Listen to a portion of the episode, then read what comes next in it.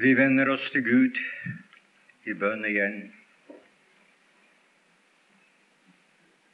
Vi kommer til deg, du eneste, du sanne Gud, og vi tilbeder i Jesu navn, og vi er her i Hans navn. Vi ber deg at det sanger som er blitt sunget, at det ord som skal bli lest, at det kunne blive til trøst for noen ensom sjel, for dem som ønsker og kjenner behovet av å få hjelp fra helligdommen. Ta da stunden i din hånd, og la møtet bli til ditt, ditt ære og til tilhørendes gavn. Vi ber i Jesu navn. Eftersom dette møtet har en karakter som jeg ikke har regnet med, så blir nødsagen til å gjøre litt forandring på det men fastholde systemet i det jeg skal tale. om. Vi skal finne teksten i den 68. salme, 60, salme 68. Og vi skal bare lese et eneste vers. Og det er et litt eiendommelig vers det er det fjortende. Når i hviler mellom kveene, det vil si kveghegnet, innhegningen. Det er sagt om Israel. Det er det som en due svinger, som er dekket med sølv, og ved svingefjedre har guldets grønnlige glans.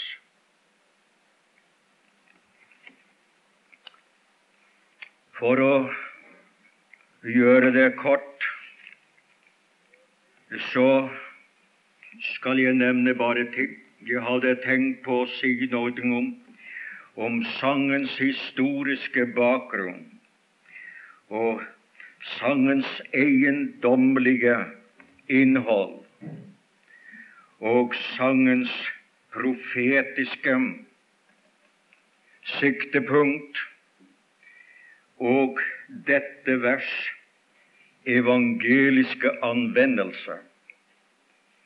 Men det vil jeg ikke gjøre bortsett fra den evangeliske side. For denne sangen, den er blitt kalt Bibelens bjerg- og dalbane den fører oss ned i dypet av syndserkjennelse og historisk opplysning. Og den fører oss opp til himmelens høyder i det at du omtaler Kristi himmelfart. Den rommer like så mange og vel så meget av temaer som det er vers i sangen. Men det er et hovedtrekk ved det som, gjennom, som går gjennom sangen, og det er dem vi vil feste oss ved. Og det er Guds folk.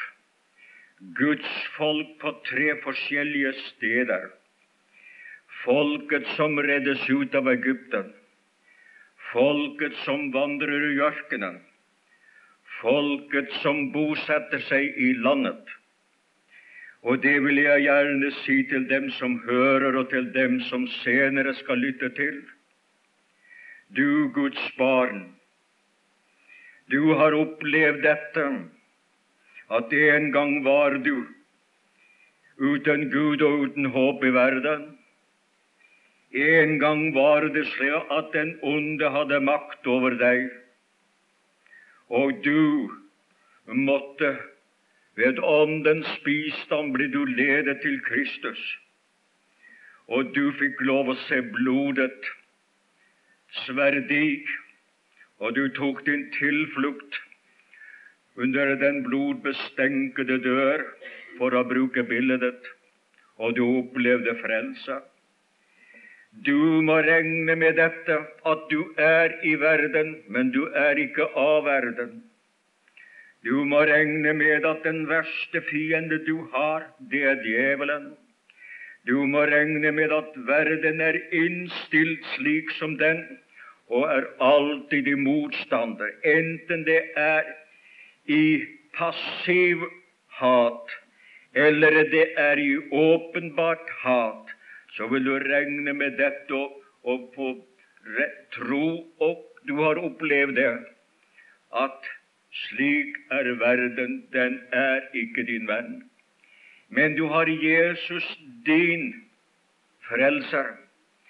Og således som du er i verden, men ikke av verden, så er du også i ørkenen som troende, for du er begge steder. Du er i ørkenen for ferden har ført Frelseren har ført deg ut fra verden. Men når du er blitt frelst, så har verden tatt sitt innhold for deg. Istedenfor å finne din trøst og din hjelp i verden, så har du fått lov å se hen til ham, og du venter og regner på mat for din sjel fra himmelen, himmelbrødet Kristus, mannen som betyr hva er det som alltid er ny for livets pilegrim? Du er frelst fra verden, men er en pilegrim. Men samtidig som du er en pilegrim, så har du i kraft av forsoningen og i kraft av Jesu oppstandelse så at si død med ham, begravet med ham, oppreist med ham, så er du også kommet inn i rettighetene. Du er i landet. Du har fått bosatt deg. Og vil du vite hvordan du har det der, så vil du se rettighetene i Efeserbrevet, det, femte det første kapittel og den kamp du har som den der har fått besittelse og eier alt i Kristus av bare nåde. Og da ser du du må ha rustningen. Så er du i verden, så er du en pilegrim, så har du rettighetene i Kristus. Nå beskriver denne sangen her, for å ta bare den side, nemlig dette utgangen, hvilen, og besittelsen. Og vi vil springe over de andre ting og så feste oss med hvilen. Og hvilen er det som er beskrevet her i dette 14. vers, som peker på hvordan at Gud så på sitt folk. Du må regne med at verden ser på deg langt annerledes enn at Herren ser på deg. De taler om det på en helt annen måte. De er innstilt over det på en annen måte. De vil, og det må du regne med, at de, du har ikke deres fortrolighet, og de får ikke deres hjelp. Men her skal du nå få høre litt om hvordan Herren ser på sine. Og det er det jeg vil jeg da gjerne bringe den som hører, og dem som kommer til å lytte senere. Vi vil få se her hvordan at Herren ser på sitt folk. Jeg leser igjen denne teksten, så kan du få anledning til å fordype deg i den. Når i hviler mellom kvena er det som en duesvinger som er dekket av gull over svingefjedre er guldets grønnlige glans. Dette er et ord om Israel da de lå i kamp, og skystøtten var over dem, og det lå leiret i korsets tegn, Og de hvilte der. Og så får du høre hva Herren ser, og hvordan Herren ser og betrakter dem. Og det skal du vite, du som Guds barn, at du får lov at hvile.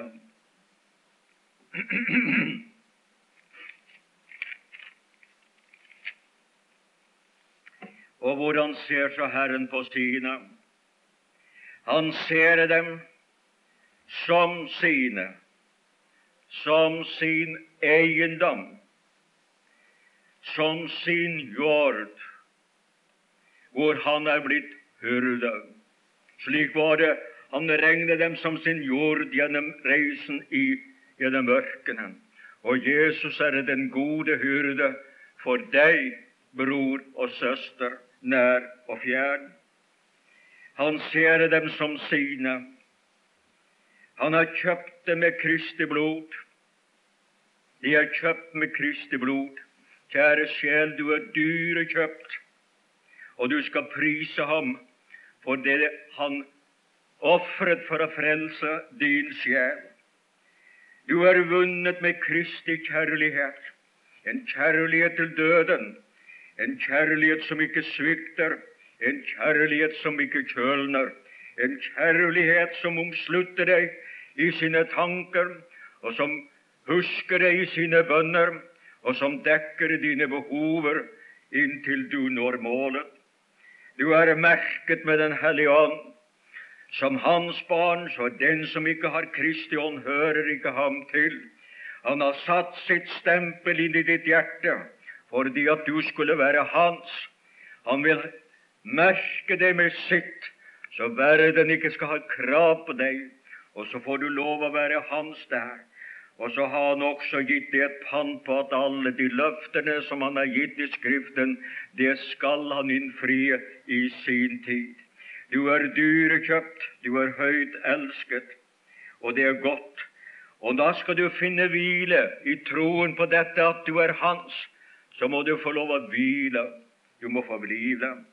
Herren ser dem som atskilt fra verden.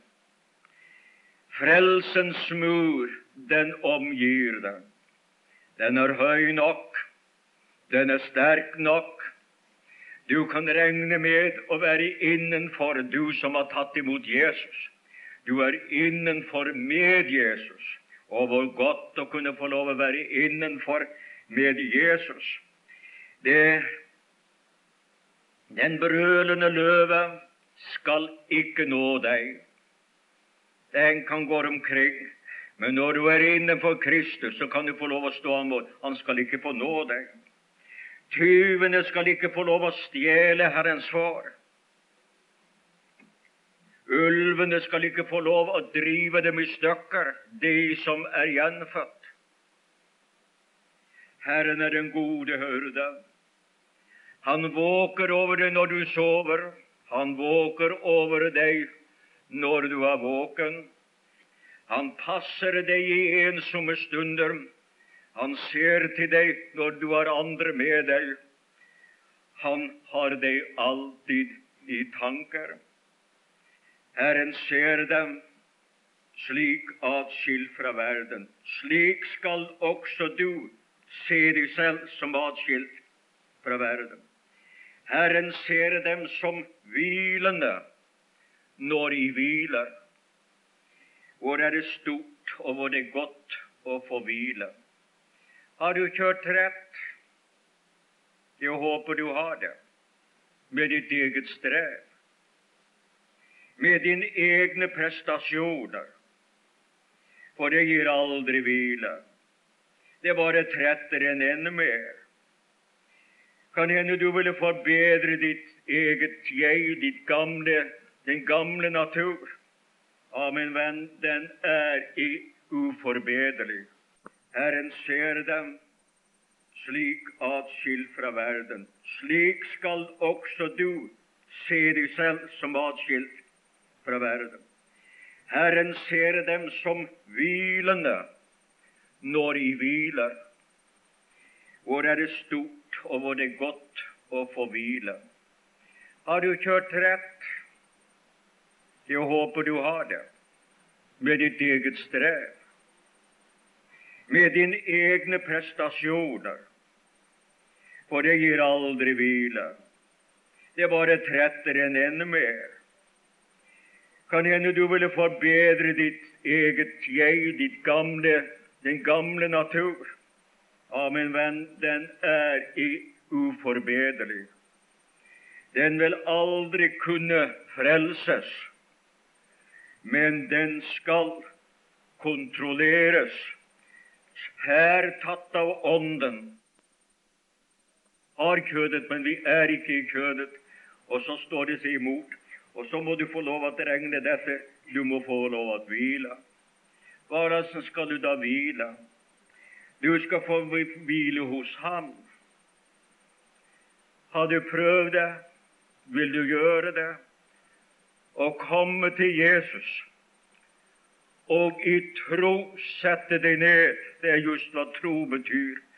Falle ned som du faller på en stol, og sitte der hvilende hos Ham, for der er det så godt å være.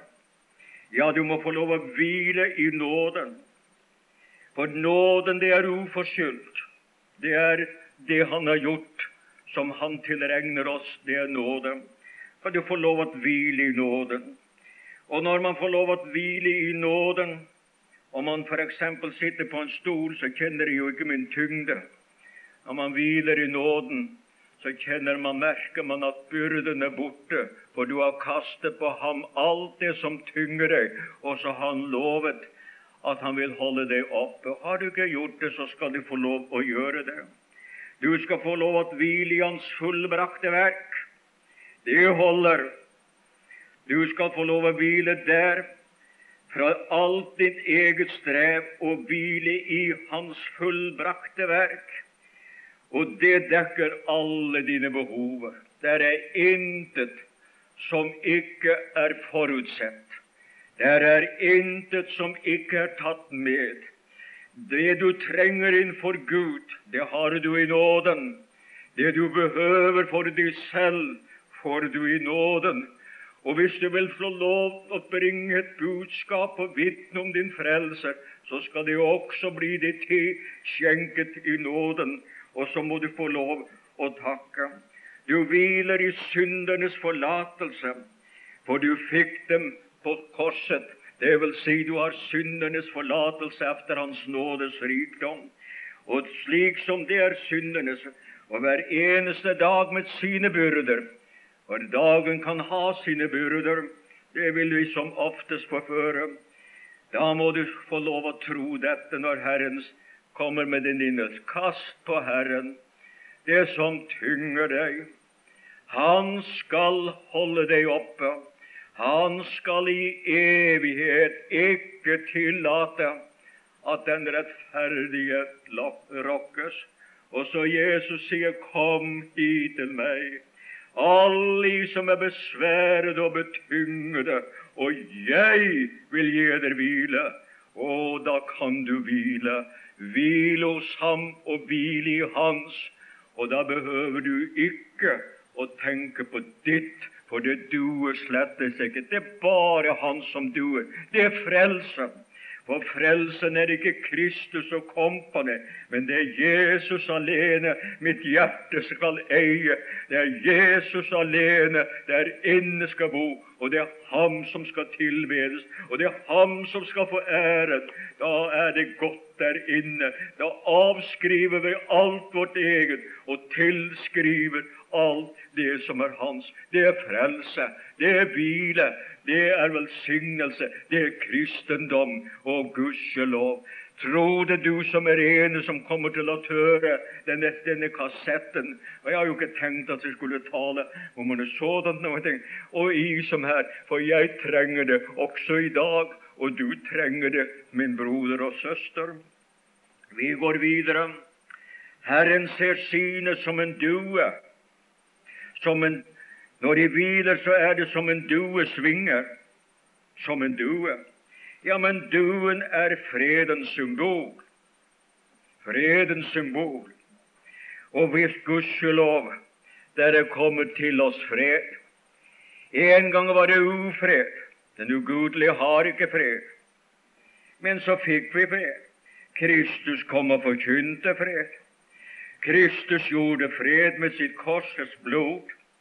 Ja, han ikke alene gjorde det, men han gav oss sin fred. Min fred gir jeg eder, ikke som verden gir, gir jeg det. Eders hjerte forferdes og reddes ikke. Ja, det er det som skal ta frykten og angsten bort i det at vi får lov å se på dette. Hans fred. Og hva er fred? Det er stille i sjelen. Det er harmoni. Det er det som, den samme for å sammenligne harmonien. Hvis det var 50 gitarer, og det var en virtuos, at det var en kunstner som stemte disse gitarene, og så sa han til alle disse som har gitarer, 'Nå skal jeg spille.' Og så setter du din gitar til øret, og så skal jeg spille. Og så spilte han. Jesus alene mitt hjerte skal leie, la oss si det slik. Og så hørte alle, så den samme tonen kom inn på alle, alle disse instrumentene. Det var stemt i akkord med det. Og slik er det når han legger en ny sang i vår munn. Og så blir det sangen og takken for det at han har brakt fred i vårt hjerte. Fred. Min fred gir jeg det. Jesu fred. Har du tatt imot det? Og du som har det, regn med den. Og, og, den freden kommer inn når du regner alt hans og ditt. Ikke ved å streve, men tar imot det. Sier det mitt. Akkurat som du tar brødskiven på bordet og stapper den i munnen, så biter du og spiser den. Så blir det ditt, ditt, ditt. Og slik må vi hele tiden få lov å si det er mitt, det er mitt, det har Han gitt min nåde. Og ser du, da senker freden seg ned i våre hjerter, og da blir det så godt, og da må vi tilbede og prise Ham. Ja, ha ikke alene Han har gitt oss, men Han selv er vår fred. Og hvor godt er det, denne harmonien. Det var altså dette. Vi som freden, så skal vi også få lov å være fredens folk. Det vil Gud også vi skal være. Men vi går videre. Herren ser sine som dem, dem han har løst fra verden. Han har løst det, har jeg nevnt før, men her skal vi se noe mer. Og hvordan da? Jo, en due, en due svinger. Et få. Verden brekter oss nå dumme sauer.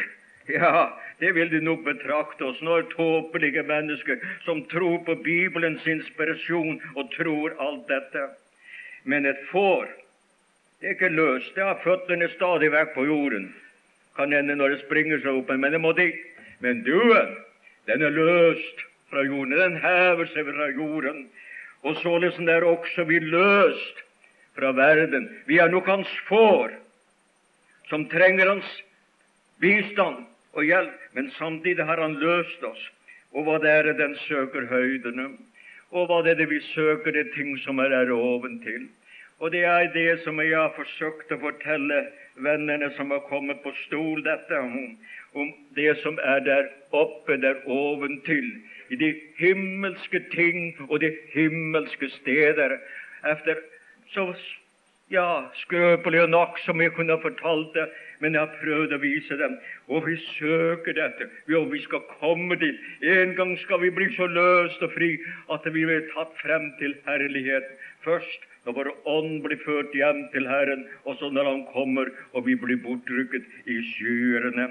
Ja, slik ser Herren dem, og det er godt, så vi ikke skal være bundet av verden, ei heller bundet til verden. Det er to forskjellige sider å være bundet av verden det er den uomvendte, men bundet til verden. Derfor er Guds barn omtalt som boende i telt, og der skal teltpålene sitte løse, så at man kan få lov å følge med som pilegrimer.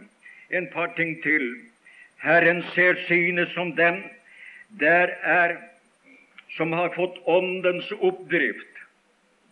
Ja, det er oppdrift under vingene. Jeg husker en gang en dame i Amerika. Hun begynte var det disse her som var ovenpå. Og så begynte hun å fortelle ja, jeg nå er kommet så til Gud at jeg nær til Gud at jeg synes virkelig at jeg begynner å få vinger. Ja, de har allerede begynt å vokse. Ja, tenk at folk kan snakke slik. Men mine venner, slik er ikke det. Og dog åndelig har vi fått oppdrift. Det er Guds ånd som løfter oss, gjør det slik at vi må tilbede, at vi må søke de ting der oppe, at verden ikke kan tilfredsstille. Vi må søke Ham. Sådan har han gitt oss den åndelige drift. Han ser sine som dem der er dekket av forsoningens sølv, som dues svinger som er dekket av sølv. Sølvet i Skriften står alltid for forsoningen. Det er Israels førstefødte ble gjenløst ved en halv sekel sølv, og her var dingene dekket. Forsoningen dekker alt, og du kan få lov å være det. Og sådan var det også i den gamle pakte. Det var forsoningen. Det er dekning for alltid i Hans. Og plankene de var altså dekket. Ja, disse plankene, eller rett og slett plankene, stod i tabernaklet på 100 kilo sølv, 50 kilo i hver sokkel. Og det var dekning, og det var holdepunkt for hver eneste planke der. Og således er det også du og jeg som har fått en åndelig oppdrett. Vi er dekket i forsoningen. Der er dekning for alt. Men den videre Herren ser sine i den guddommelige rettferdighets gullglans. Ikke alene forsoningen, sølvglansen, som taler forsoningen, men også om gullet. Og hvis vinge er dekket, hvis vinge har gullets grønnlige glans. Gull avskygger Guds rettferdighet. Det var det som dekket plankene i tabernaklet. Og det er vår stilling i nåden, ikke vår tilstand. Vår stilling er oppe hos Gud. Vår natur er inne i vårt vesen. Men innenfor Gud er vi dekket i Hans, og det er det som vi kaller rettferdiggjørelsen. Tilskrevet Kristi fortjeneste og Kristi dyder, og så er vi ren og rettferdig, himmelen verdig, ikke i oss selv, men i Ham. Han ser dem slik, mine venner, som dem der er dekket av gullets grønnlige glans. Men Herren ser også sine som bærere av det nye livet. For det er hva vi er som troende. Vi er bærere av det nye livet. Guldets grønnlige glans. Ja, grønt, det er livets farve. Og dem som er frelst, vi har fått det evige liv. Vi har fått det liv da vi fikk lov å si ja til Jesus, og mange som tok imot ham, dem ga ham rett til å bli Guds barn. Da fikk vi det livet. Men grønt er også vårens farve. Og når våren kommer, så er vinteren forbi. Og gudskjelov dødens kolde, klamme hånd som hvilte over en synders sjel som ikke hadde omvendt seg ved troen på Jesus, da ble det solskinn i sjelen. Da ble det vårdag. Da begynte det å vokse og gro. Og vi er ikke ferdig med det. Og sådan er det at vår Herre gjør så. Og en ting til her, og det er Herren ser sine iført den guddommelige herlighet. Ja, hvordan får vi det? Gullets grønnlige glans. Glans. Overalt i Skriften som forfinner hvor det er glans, så er det shekinaen. Det er glorien, det er herligheten det avskygger. Jo, den guddommelige herlighet. Og Herren ser sine i denne glansen som ikke vi ser. Den herlighet som du ga meg. Han sier først den herlighet som jeg hadde hos deg før verdens grunnvoll. Herliggjør meg med den herlighet som jeg hadde hos deg før verdens grunnvoll. Og så sier han nok den herlighet som du ga meg, den har jeg gitt dem. Den er ikke synlig, men vi har den. Men en gang blir den synlig. Tenk når vi skal bli ham lik, uten synd, uten den alamittiske natur, uten vanskelighet. Bare Jesus. Å, hva må det bli vidunderlig når vi skal bli Se, det er hva vi har lovet, vi som har tatt imot Jesus Kristus. Det var altså med budskap. Jeg håper det må bringe deg glede og trøst. Du som kan hende kommer til å høre dette og er ensom på livets vei og er innestengt, kan hende ba for dem på grunn av sykdom og svakhet. Jeg taler til deg i dag så vel som jeg taler til dem som er her. Og så skal jeg slutte med å si at denne sangen, den er, dette verset her, er en veldig bevis på Bibelens inspirasjon. Og nå skal jeg fortelle dere noe om en opplevelse. Nå er jeg ferdig med, med prekenen. Nå skal jeg bare fortelle noen opplevelse. Under krigen da kunne vi jo ikke, bodde jo i Oslo, da kunne vi jo ikke reise svært langt. Og da var det slik rundt omkring. Da gikk vi omtrent i sirkel slik et sted. Når jeg har vært et sted, så, så, så var det en, annen, en bror på et annet sted, og så gikk vi i sånn rundgang.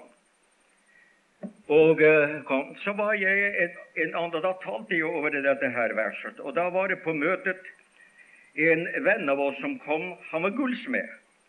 Da jeg var ferdig med prekenen, var vel ikke helt så, da tok jeg alt med som jeg nå ikke har tatt, for jeg sprang over ganske meget, eftersom det skulle være en kassettopptak. Nå ja, så skal du høre.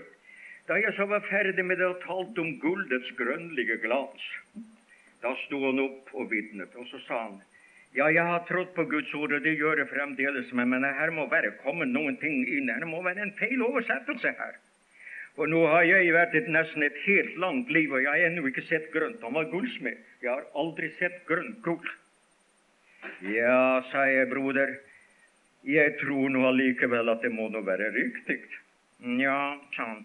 Men, sa han, jeg kjenner en ekspert i Oslo, og han skal jeg snakke med. Når jeg Ja, men da må du komme hit og bli med meg på møtet og fortelle, for det var ute på Jar et stykke utenfor. Ja, det skal jeg gjøre. Så Neste gang at jeg skulle av sted, så ringte han opp og sa nå skal jeg utover til Jar, nå må du få lov å bli med. Men du skal ikke fortelle meg noe. Du, kan forvente til vi kommer.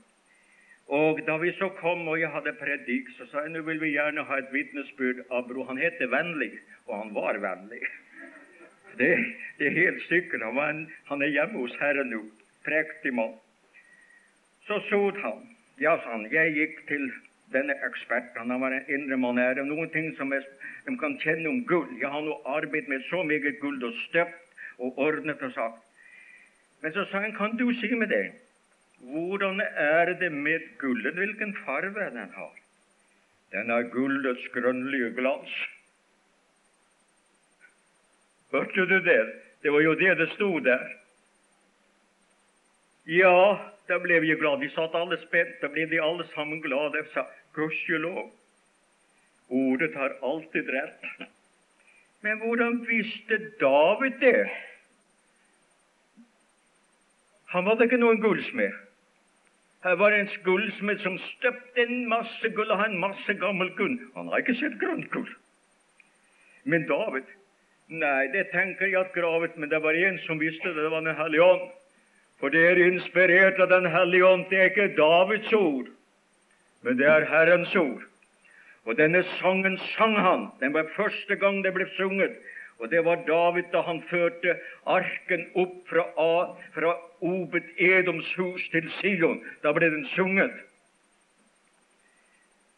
Og det er det mest vidunderlige sang, sier de som har en hel del som ikke det. Men se her. Å, det synes jeg. Ja, der kan de se, søskene. Du kan stole på Bibelen om ikke du forstår det, for det er ikke menneskeord, det er Bibelens ord. Og det er denne boken, og det er det dens innhold som forteller om hvilken frelse du har, og hvor stor den er, og hvor sikker den er, og hvor du kan regne med det, og du kan leve i den, og du kan dø på den, og du skal gå frem til herligheten i kraft av Hans fullbrakte verk. Gud signe yngre og eldre, og har ikke du tatt imot Jesus, så gjør det. For det finnes ingenting som er så godt som å få lov å tro seg frelst på Jesus. Er det noen ting som absolutt blir bedre, så er det å være hjemme hos Herren. Gud signe hver sjel i Jesu navn. Amen.